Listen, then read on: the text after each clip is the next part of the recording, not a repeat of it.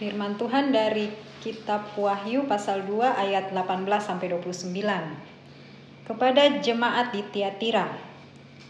Dan tuliskanlah kepada malaikat jemaat di Tiatira, Inilah firman anak Allah yang matanya bagaikan nyala api dan kakinya bagaikan tembaga.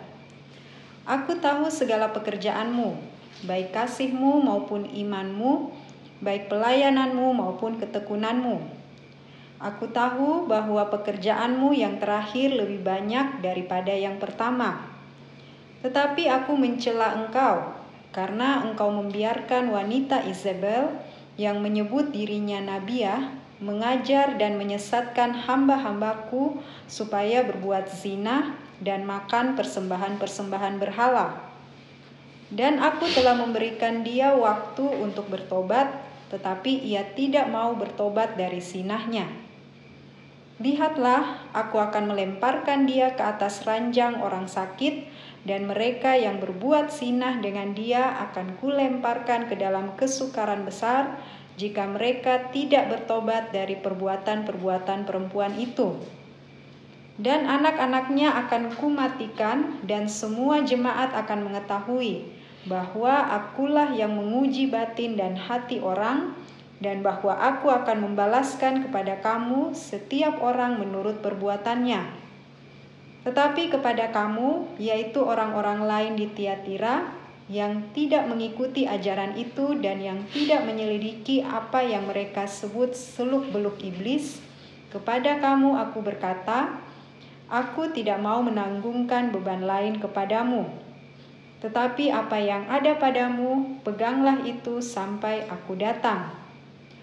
Dan barang siapa menang dan melakukan pekerjaanku sampai kesudahannya, kepadanya kepadanya akan kukaruniakan kuasa atas bangsa-bangsa.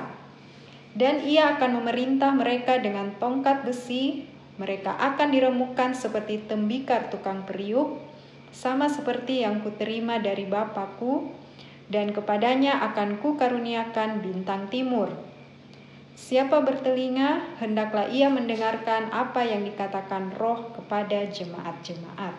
Amin.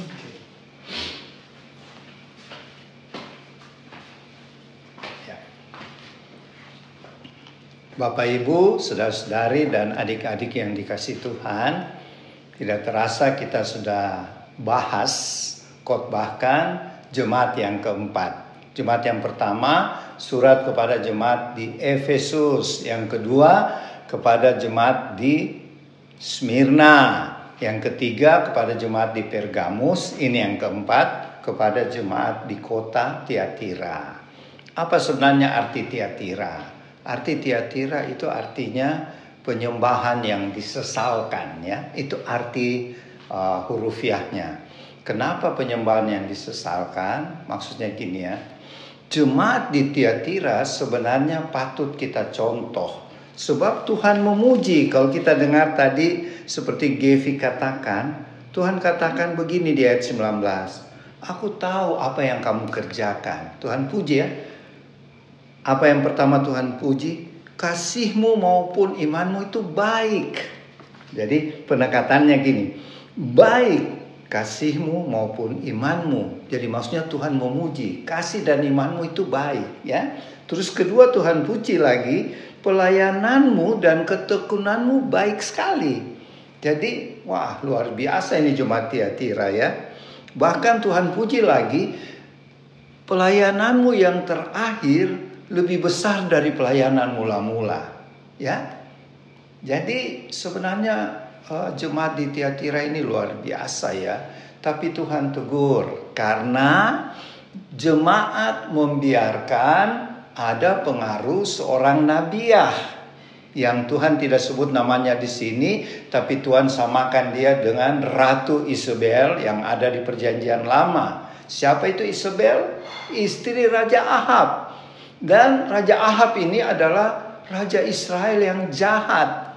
Dan lebih jahat lagi, dia kawin dengan seorang putri Raja Sidon, ya.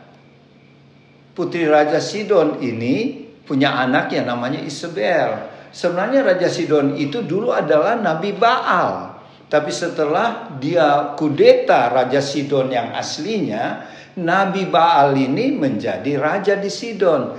Itulah yang dikawini anaknya yang bernama Isabel oleh Raja Ahab. Itu sedikit siapa Isabel ya. Jadi karena Isabel itulah bangsa Israel pada zaman Raja Ahab ya di perjanjian lama. Bangsa Israel menyembah dewa Baal dan dewa Asyera, dewi-dewi. Jadi dewa Baal dan dewi Asyera. Sehingga bangsa Israel dimurkai Tuhan ya sampai Tuhan kasih kekeringan tiga setengah tahun melalui Nabi Elia. Nah, apa hubungannya Tuhan katakan si Nabi Isabel ini? Nabi yang disebut Isabel. Nah, ini sebenarnya cocok buat kita warlot ya.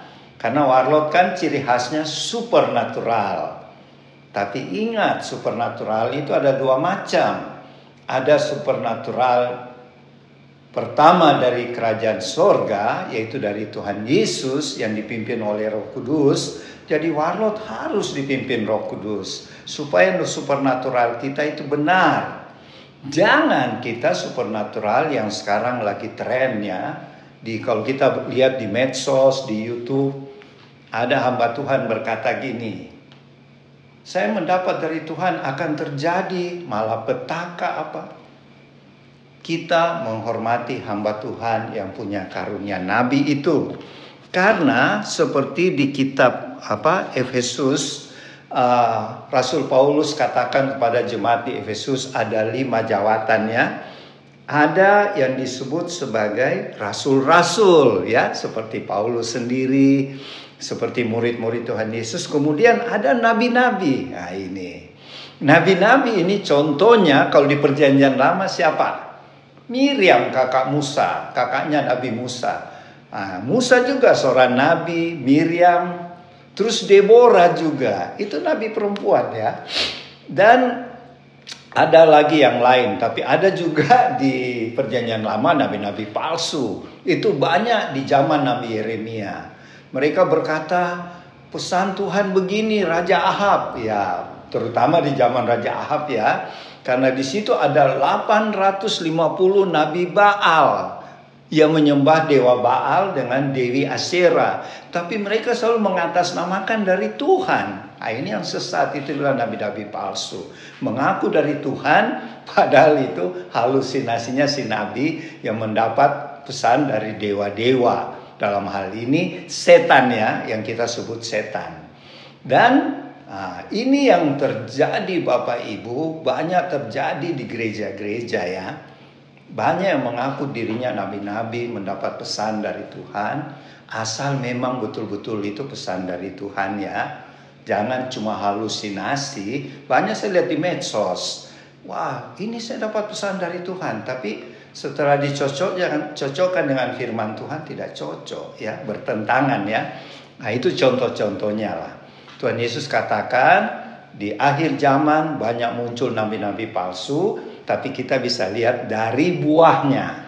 Jadi teman-teman warlot khususnya yang bergerak bidang supernatural, hati-hati ya kalau kita berkata ada pesan Tuhan.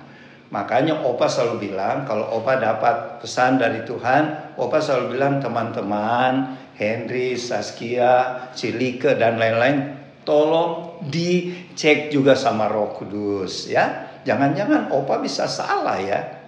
Ya, jadi ah, itulah yang terjadi sebenarnya di jemaat Tiatira yang kita harus belajar. Sebab banyak sekarang kalau kita di medsos mengaku-mengaku memperdalam dunia supernatural. Inilah yang terjadi di jemaat Tiatira. Kalau kita baca di ayat 24 mereka yang menyelidiki apa yang mereka sebut seluk beluk iblis. Nah, ini bahaya ya. Saya lihat sekarang banyak di medsos tentang mempelajari seluk beluk iblis. Itu tidak salah, tetapi kalau orang salah mengerti bisa menyesatkan orang ya. Lebih baik kita mempelajari seluk beluk siapa Tuhan Yesus itu lebih baik daripada kita belajar seluk beluk iblis seperti Jemaat Tiatira tetapi tidak ada dasar firman iblis bisa mengecoh iblis bisa menyesatkan Apalagi kalau kita ini misalnya opa yang anggota warlot. Mau coba-coba seluk-beluk siapa itu Lucifer, siapa itu Baphomet, siapa itu Beelzebul. Tapi tidak kuat dengan firman, itu akan dimakan mentah-mentah oleh iblis. Ingat ya, setan itu adalah malaikat-malaikat yang jatuh yang punya kepintaran lebih hebat dari manusia. Ya. Kita ingat itu dan itulah yang terjadi di Jemaat Tiatira. Ada seorang wanita yang punya karunia nabi. Ya. Ya, kalau di perjanjian lama tadi Opa sudah bilang kayak Miriam, kakaknya Musa itu karunia nabi. Deborah, tapi mereka nabi-nabi yang benar. Kalau di perjanjian baru siapa? Yohanes Pembaptis, itu seorang nabi. Terus anak-anaknya Filipus, empat anak perempuan Filipus itu punya karunia nabi. Ya, kalau kita lihat di kitab apa itu ya, ada itu di perjanjian baru di kisah 21 kalau Bapak Ibu baca di kisah para rasul pasal 21 ayat 9 dikatakan di situ empat anak perempuan Filipus ya Filipus yang menginjil kepada sida-sida itu anak perempuannya empat orang itu punya karunia nabi tapi mereka tidak sesat ya betul-betul mereka dapat dari Tuhan terus ayat 10-nya jadi masih di kisah Rasul pasal 21 ayat 10 ada disebut Nabi Agabus. Nabi Agabus yang bernama Agabus itu betul-betul nabi di perjanjian baru ya. Dan termasuk Yohanes yang menulis surat kepada jemaat Tiatira.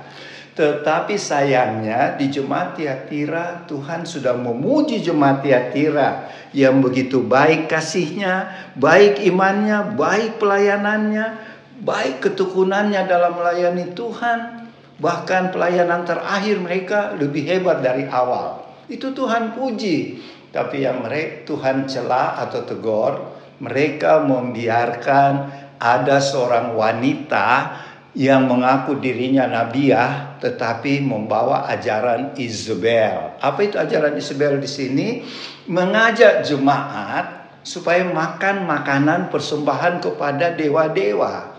Karena waktu itu di kota Tiatira banyak kuil-kuil dewa-dewi ya. Banyak kuil dewa Zeus, kuil dewi Athena, itu dewa perang itu, dewa Apollo. Tapi sebelum mereka uh, menyembah dewa-dewi itu, mereka makan dulu bersama, mabuk-mabuk, minum anggur. Dan kadang-kadang di dalam ritual mereka ada perjinahan. Itulah yang Tuhan tegur. Karena jemaat Tiatira kompromi kepada anjuran sinabiah. Setelah saya berdoa, kenapa ya jemaat Tiatira bisa terpengaruh? Karena gini Bapak Ibu, ini pelajaran buat kita ya. Si yang disebut nabiah, memang dia punya karunia nabi ya. Dia bisa berdialog dengan Tuhan. Tetapi dia membuat orang jemaat di Tiatira kompromi dengan penyembahan berhala, penyembahan dewa-dewa. Dan dia mau mengajak jemaat di Tiatira, mari kita kita selidiki, kita pelajari seluk-beluknya iblis. Hati-hati ya, ini lagi tren opa lihat di medsos. Wah, mau pelajari sigil-sigil. Wah, itu hati-hati. Kalau tidak kuat dengan firman, bisa terjerumus. Hati-hati. Ini peringatan buat warlot. Kalau ada anggota warlot yang sudah mulai bersikap begitu, tiatira ini jadi pelajaran ya. Sehingga Tuhan marah. Kenapa mereka mengikuti ajaran Nabi yang Tuhan sebut Isabel? Karena dia adalah kemungkinan ya istri dari gembala di Tiatira. Kemungkinan. Sehingga jemaat segan kalau si uh, perempuan yang dihormati, disegani di jemaat karena dia pemimpin ya. Eh Tuhan berkata gini loh, kamu boleh kok makan saja itu persembahan yang diberikan kepada berhala. Kamu boleh kok melakukan hal-hal yang sama-sama orang agama lain. Nah ini dibilang kompromi kepada dosa. Sudah rajin beribadah, sudah dipuji Tuhan, tapi sayang mau ikuti ajaran si pemimpin wanita yang punya karunia nabi sebenarnya, tapi dia menyesatkan. Makanya Tuhan bilang mereka harus bertobat. Si nabi itu harus bertobat, pengikut-pengikutnya juga harus bertobat. Kalau tidak, Tuhan akan buang mereka. Kalau Tuhan sudah buang, jelas kita akan ke neraka. Tapi Tuhan masih kasih kesempatan bertobat. Ya, Tuhan katakan di ayat berapa itu? Saya sudah memberikan mereka kesempatan untuk bertobat supaya mereka kembali kepada jalanku, tetapi kalau tidak, aku adalah Allah yang menguji hati dan batin orang, Itulah sebabnya Tuhan digambarkan matanya seperti api. Artinya mata Tuhan begitu tajam, tahu motivasi orang ini. Ya, Tuhan tahu. Jadi si Nabiah yang disebut Isabel ini disegani oleh jemaat Tiatira tapi motivasinya salah. Dia mengajak jemaat Tiatira menjadi, menjadi menyembah dewa-dewa lain, kompromi dan padahal mereka sudah taat pada Tuhan dan Tuhan ancam mereka akan dibuang termasuk anak-anaknya. Siapa itu anak-anaknya? Pengikut-pengikutnya itu Nabiya yang disebut Isabel. Jadi bukan anak-anak, anak-anaknya ya, tetap anak-anak di sini pengikut-pengikutnya. Jadi teman-teman warlot ini peringatan buat kita, janganlah mengikuti ajaran-ajaran yang sesat yang banyak sekali sekarang di medsos. Lebih baik mari kita diskusi, kita berdoa, minta petunjuk Roh Kudus, ya. Kalau kita tidak kuat dengan firman, kita akan sesat, ya. Terus Tuhan katakan kepada jemaat Tiatira yang tidak ikut-ikutan dengan ajaran si Nabiah, si Isabel, Tuhan katakan, peganglah apa yang kamu punya, yaitu kamu tetap percaya kepadaku, tetap setialah sampai aku datang. Maksudnya aku datang di sini Tuhan Yesus bilang, yaitu Tuhan datang kepada tiap-tiap jemaat itu. Kalau yang tidak mau bertobat Tuhan langsung akan hukum ya. Tetapi kalau yang tidak mengikuti jalan Isabel atau sudah bertobat, Tuhan akan menjaga. Tuhan akan memelihara. Makanya Tuhan bilang siapa yang menang dan tetap setia melakukan pekerjaanku. Ini juga buat Arlot ya. Kita tetap setia bersaksi dan melayani Tuhan kita akan dikaruniakan kuasa atas bangsa-bangsa. Artinya, Tuhan Yesus sebagai raja di atas segala raja akan memimpin menyertai kita warlot dalam pelayanan-pelayanan dan kemudian Tuhan katakan aku akan mengaruniakan bintang timur. Bintang timur itu Tuhan Yesus sendiri. Jadi dalam hal ini kalau kita warlot ya, ini pesan buat warlot lewat uh, kisah jemaat di Tiatira ini surat Tuhan Yesus kepada jemaat di Tiatira supaya kita tetap jaga kekudusan, hidup benar, ingat uh, apa namanya moto warlot, hidup dalam kekudusan, rendah hati, pakai baju kemuliaan, baju putih, dan rajin melakukan amal soleh. Ingat ya, kita sudah memasuki usia ke-14, harusnya lebih meningkat lagi, bukan menurun. Demikianlah yang bisa Opa sampaikan. Nanti Oma Palar akan melengkapi ya. Ya. Selamat siang Bapak Ibu, saudara-saudari tim Warlot yang sedang mengikuti baktian pada hari ini tanggal 16 Oktober 2022. Kita jumpa lagi. Saya berada di sini melengkapi apa yang firman hari ini Wahyu 2 ayat 18 sampai 29 yang menceritakan yang mengisahkan tentang bagaimana jemaat Tiatira ya. Jemaat Tiatira adalah jemaat yang luar biasa. Tuhan memuji karena iman mereka, karena pekerjaan mereka sungguh bagus ya. Tapi ada satu yang Tuhan koreksi bahwa di antara mereka berkecamuk ada hal dari roh jahat yaitu berupa adalah merupakan roh Isabel. Isabel adalah roh yang dianut oleh roh jahat yang yang dianut oleh roh jahat yang roh jahat punya roh yang bergerak di bidang roh persinahan ya di sini tadi dikirakan bahwa bagaimana dia berada di jemaat Tiatira.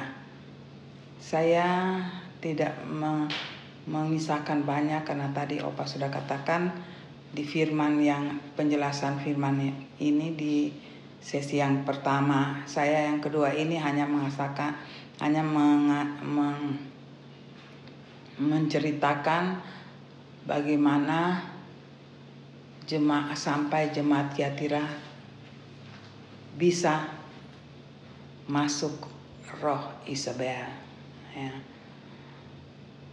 Pada permulaan Tuhan katakan aku datang mataku seperti api sinar ya api dan kakinya seperti tembaga itu untuk saya itu sangat keras.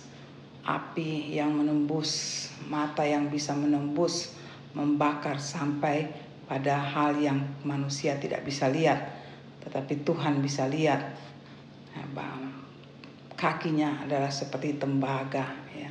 Tembaga ada sesuatu um, alat sesuatu bahan ya bahan yang kita tahu itu tahan panas ya bagaimana Tuhan katakan di sini firman ini katakan bahwa kakinya seperti tembaga di mana pun dia bisa menginjak di mana pun dia bisa berada tanpa tidak seperti manusia di sini digambarkan dia berjalan dengan mata dan kaki yang tidak ada batasnya. Dia melihat semuanya. Tidak heran jemaat Tiatira tidak melihat apa yang sudah merasuk kehidupan mereka. Mereka hidup tercemar tapi mereka tidak menyadarinya. Mereka hidup sangat baik di hadapan Tuhan. Ya. Itu benar-benar dapat pujian dari Tuhan sekarang yang kita renungkan kenapa sampai roh Isabel bisa masuk. Saya renungkan bahwa jemaat Tiatira begitu bagus, berhasil, iman yang kuat. Ya, dapat pujian dari Tuhan. Tetapi satu, saya ulangi lagi, kenapa sampai roh Isabel masuk? Sekali lagi saya katakan kalau saya renungkan mereka sungguh-sungguh giat. Tetapi ada satu yang mereka lupa bahwa mereka tidak mempunyai waktu untuk berkomunikasi dengan Tuhan. Saya merenungkan lebih dalam. Mereka sangat bekerja mempertahankan iman mereka. Ya, tetapi apa yang mereka punya adalah berasal dari Tuhan. Mereka tidak punya waktu untuk memuji Tuhan, menyembah Tuhan, berkomunikasi dengan Tuhan. Saya merenungkan di luar daripada konteks yang kita baca. Karena kita sebagai anak-anak Tuhan harus ada punya waktu dengan Tuhan. Tuhan sudah kasih segala-galanya sampai berlipat ganda apa yang dikatakan di dalam kisah jemaat Tiatira. Nah di situlah kunci dari kejatuhan beberapa pokok daripada kejatuhan mereka yang Tuhan katakan. Mereka tidak punya lagi kepekaan roh. Mereka bekerja luar biasa, meningkatkan pekerjaan mereka di bidang mereka mereka mempertahankan siapa Tuhan mereka. Nah, sekarang jemaat kita sebagai umat Tuhan pada zaman ini itu mementingkan pekerjaan yang luar biasa, mempertahankan hidup bersama Tuhan dengan karya Roh Kudusnya. Tapi Tuhan mau ada saatnya kita duduk bersama Dia. Kita memuji menyembah Dia. Kita mengisahkan seluruh kehidupan kita kita berkomunikasi, kita curhat dengan dia apa yang kita punya, kita bersyukur di dalam hubungan kita, waktu kita bersama dia. Sengah sehingga waktu kita selalu ada hal-hal demikian. Bahkan itu setelah kita masuk pengalaman pelayanan kami. Kalau itu lebih banyak, maka hal-hal dunia itu akan berlipat ganda. Ya, kita kerja tetapi dengan kekuatan yang dari Tuhan.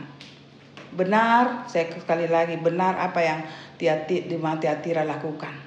Tetapi yang kurang adalah tidak punya hubungan yang intens dengan Tuhan. Karena kalau kita punya hubungan, kita tahu Tuhan, Tuhan tahu kita, maka timbullah kepekaan roh kita. Ada sesuatu yang salah masuk di kita, kita tahu. Saya katakan ini karena saya juga sudah praktek. Bagaimana kita melihat kehidupan dunia ini. Ya, baik tidak baik, salah benar, dosa tidak. Itu bisa kita lihat kalau kita punya hubungan dengan Tuhan. Hubungan yang intim, bukan hubungan hanya sekedar hubungan. Hubungan untuk menyatakan laporan tidak. Tetapi kita duduk di hadapan Tuhan. Kita katakan dengan kata lain, kita charge hati kita, hidup kita dengan Tuhan.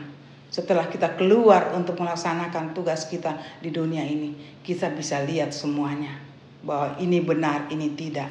Itu salah, itu ini tidak salah. Itu dosa dan tidak dosa. Ini sesuatu yang sukacita mendapatkan hal-hal yang baru. Karena apa? Kepekaan roh kita. Karena kepekaan roh kita adalah kepekaan dengan Roh Kudus. Karena Roh Kudus yang berkarya di dalam hidup kita zaman akhir ini. Jadi teman-teman, Bapak Ibu di rumah, kalau kita punya hal ini, tidak usah kita takut. Kita tidak melihat lagi kesusahan, penderitaan kata manusia dengan kata kita menderita. Tapi penderitaan dengan kepekaan roh, maka penderitaan itu kita, kita akan lihat bagaimana penderitaan itu. Ada Tuhan di situ, ada Tuhan mendidik. Kalau kita tidak punya kepekaan ini, kita akan melihat itu satu penderitaan. Sekali lagi, kalau kita hidup punya kepekaan roh dengan Tuhan, maka penderitaan itu kita melihat ada suatu yang hal yang Tuhan berbicara dengan kita, di situ dia mendidik kita dan di masalah, kata masalah hanya ada di dunia. Ya, kata masalah tidak ada di surga. Kata masalah kita dengan hidup, kita hidup dengan kepekaan dengan roh, dengan Tuhan, dengan rekarya Roh Kudus, maka masalah itu menjadikan kita dewasa. Apa maumu Tuhan? Apa maksudmu Tuhan dengan kehidupan ini? Kata manusia itu susah. Benar. Ya, tidak ada yang tidak ada yang kata susah masalah dalam kehidupan kita di dunia. Tetapi kita berjalan bersama Tuhan sehingga iblis seperti uh, kata firman hari ini, Isabel dan ada juga roh-roh lain yang bisa kita sebelum dia masuk Tuhan sudah berbicara. Dan ini semua kita akan tahu kalau kita sekali lagi kalau kita punya kepekaan dengan Tuhan. Jadi firman hari ini menempelak kita. Maukah kita menyediakan waktu? Ya, tidak ada alasan tidak punya waktu. Sangat terlambat. Nanti saja saya kumpulkan nanti saya uh, bertemu dengan Tuhan di waktu-waktu tertentu. Jangan teman-teman di rumah Bapak Ibu sekalian karena saya berbandingkan 10 jam dengan Tuhan, dunia hanya satu jam. Itu saya katakan perbandingan. Ya, karena dengan Tuhan, kepekaan dengan roh Tuhan, kita punya charge, charge hidup kita dengan Tuhan. Kekuatan yang tidak terbatas. Ya, hikmat yang tidak punya dunia itu kita bisa punya dan kita bawa di dalam kehidupan kita di dunia ini. Di dunia ini, kalau melihat yang sering kita dengar, kita baca berita, kita lihat di medsos, tidak ada dunia yang enak. Semua perlu tantangan. Kalau kita tidak punya pegangan dengan Tuhan, kita akan jatuh. Di sini pujian Tuhan terhadap jemaat Tiatira tetapi satu yang lolos. Mari kita membawa diri kita dengan cara berpikir. Saya tidak mau cacat Tuhan karena karya iblis. Berikan saya, berikan keluarga kami, berikan persekutuan kami untuk hidup peka dengan Engkau. Tidak ada cara lain Bapak Ibu di rumah, hanya satu sekali lagi. Charge hidup kita dengan Tuhan. Sediakan waktu khusus tidak untuk sambil-sambilan ya. Ya, biar saya katakan ini kenapa? Karena saya juga melakukan. Apalagi Bapak Ibu di rumah masih aktif, pemuda-pemudi masih aktif, aktif ya, bekerja, berkarya di dunia ini. Kami pun berkarya, tetapi pengalaman pelayanan sekali lagi ini sangat penting. Charge hidup kita dengan Tuhan. Adakan persekutuan.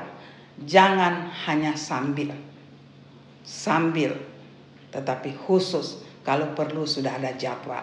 Karena Bapak Ibu, pemuda-pemudi, saudara-saudari di rumah tim Warlot masih aktif di dalam pekerjaan. Ya, masih memakai tenaga pikiran. Ya. Kami yang orang yang sudah umur tetapi tetap bekerja di, di bagian yang Tuhan berikan. Itu juga memerlukan. Dan kita bisa menapis diri kita. Kita bisa melihat apa yang sementara kita jalani. Apakah dari Tuhan? Apakah iblis dengan liciknya sudah masuk? Ingat teman-teman Bapak Ibu di rumah iblis sangat licik dia tidak datang dengan langsung melihatkan apa yang dia serang tapi dia masuk di sela-sela yang kita tidak sadari. Tetapi waktu dia mau masuk, kalau kita sekali lagi, kalau kita punya kepekaan dengan Roh Kudus, dengan Tuhan yang sering kita ketemu di dalam pertemuan kita secara pribadi, secara persekutuan, maka kekuatan itu lebih peka dari apa yang dunia punya. Nah, Bapak Ibu, saudara-saudari di rumah tim Warrot, Mari, mari kita bawa hidup kita tetap di dalam Tuhan bertemu sesering mungkin. Tapi kalau perlu sediakan jadwal yang tertentu. Ya. Ada tahapan-tahapan. Bacalah firman, firman itu yang akan berbicara. Setelah kita lakukan itu Tuhan katakan, kamu akan aku berikan sesuatu yang baik sesuatu yang berharga dan kamu akan yang saya baca di sini sangat indah adalah kamu menguasai. Kamu akan diberikan bangsa-bangsa. Ya, sesuatu yang luar biasa bangsa-bangsa Bapak Ibu, bukan per orang. Karena kita Tuhan kita sudah memuaskan Tuhan. Ya. Tuhan sangat rindu ya bahkan di situ apa yang jemaat Tiatira yang lainnya Tuhan katakan yang sudah mengikut Tuhan, saya tidak menambahkan beban lagi. Ya.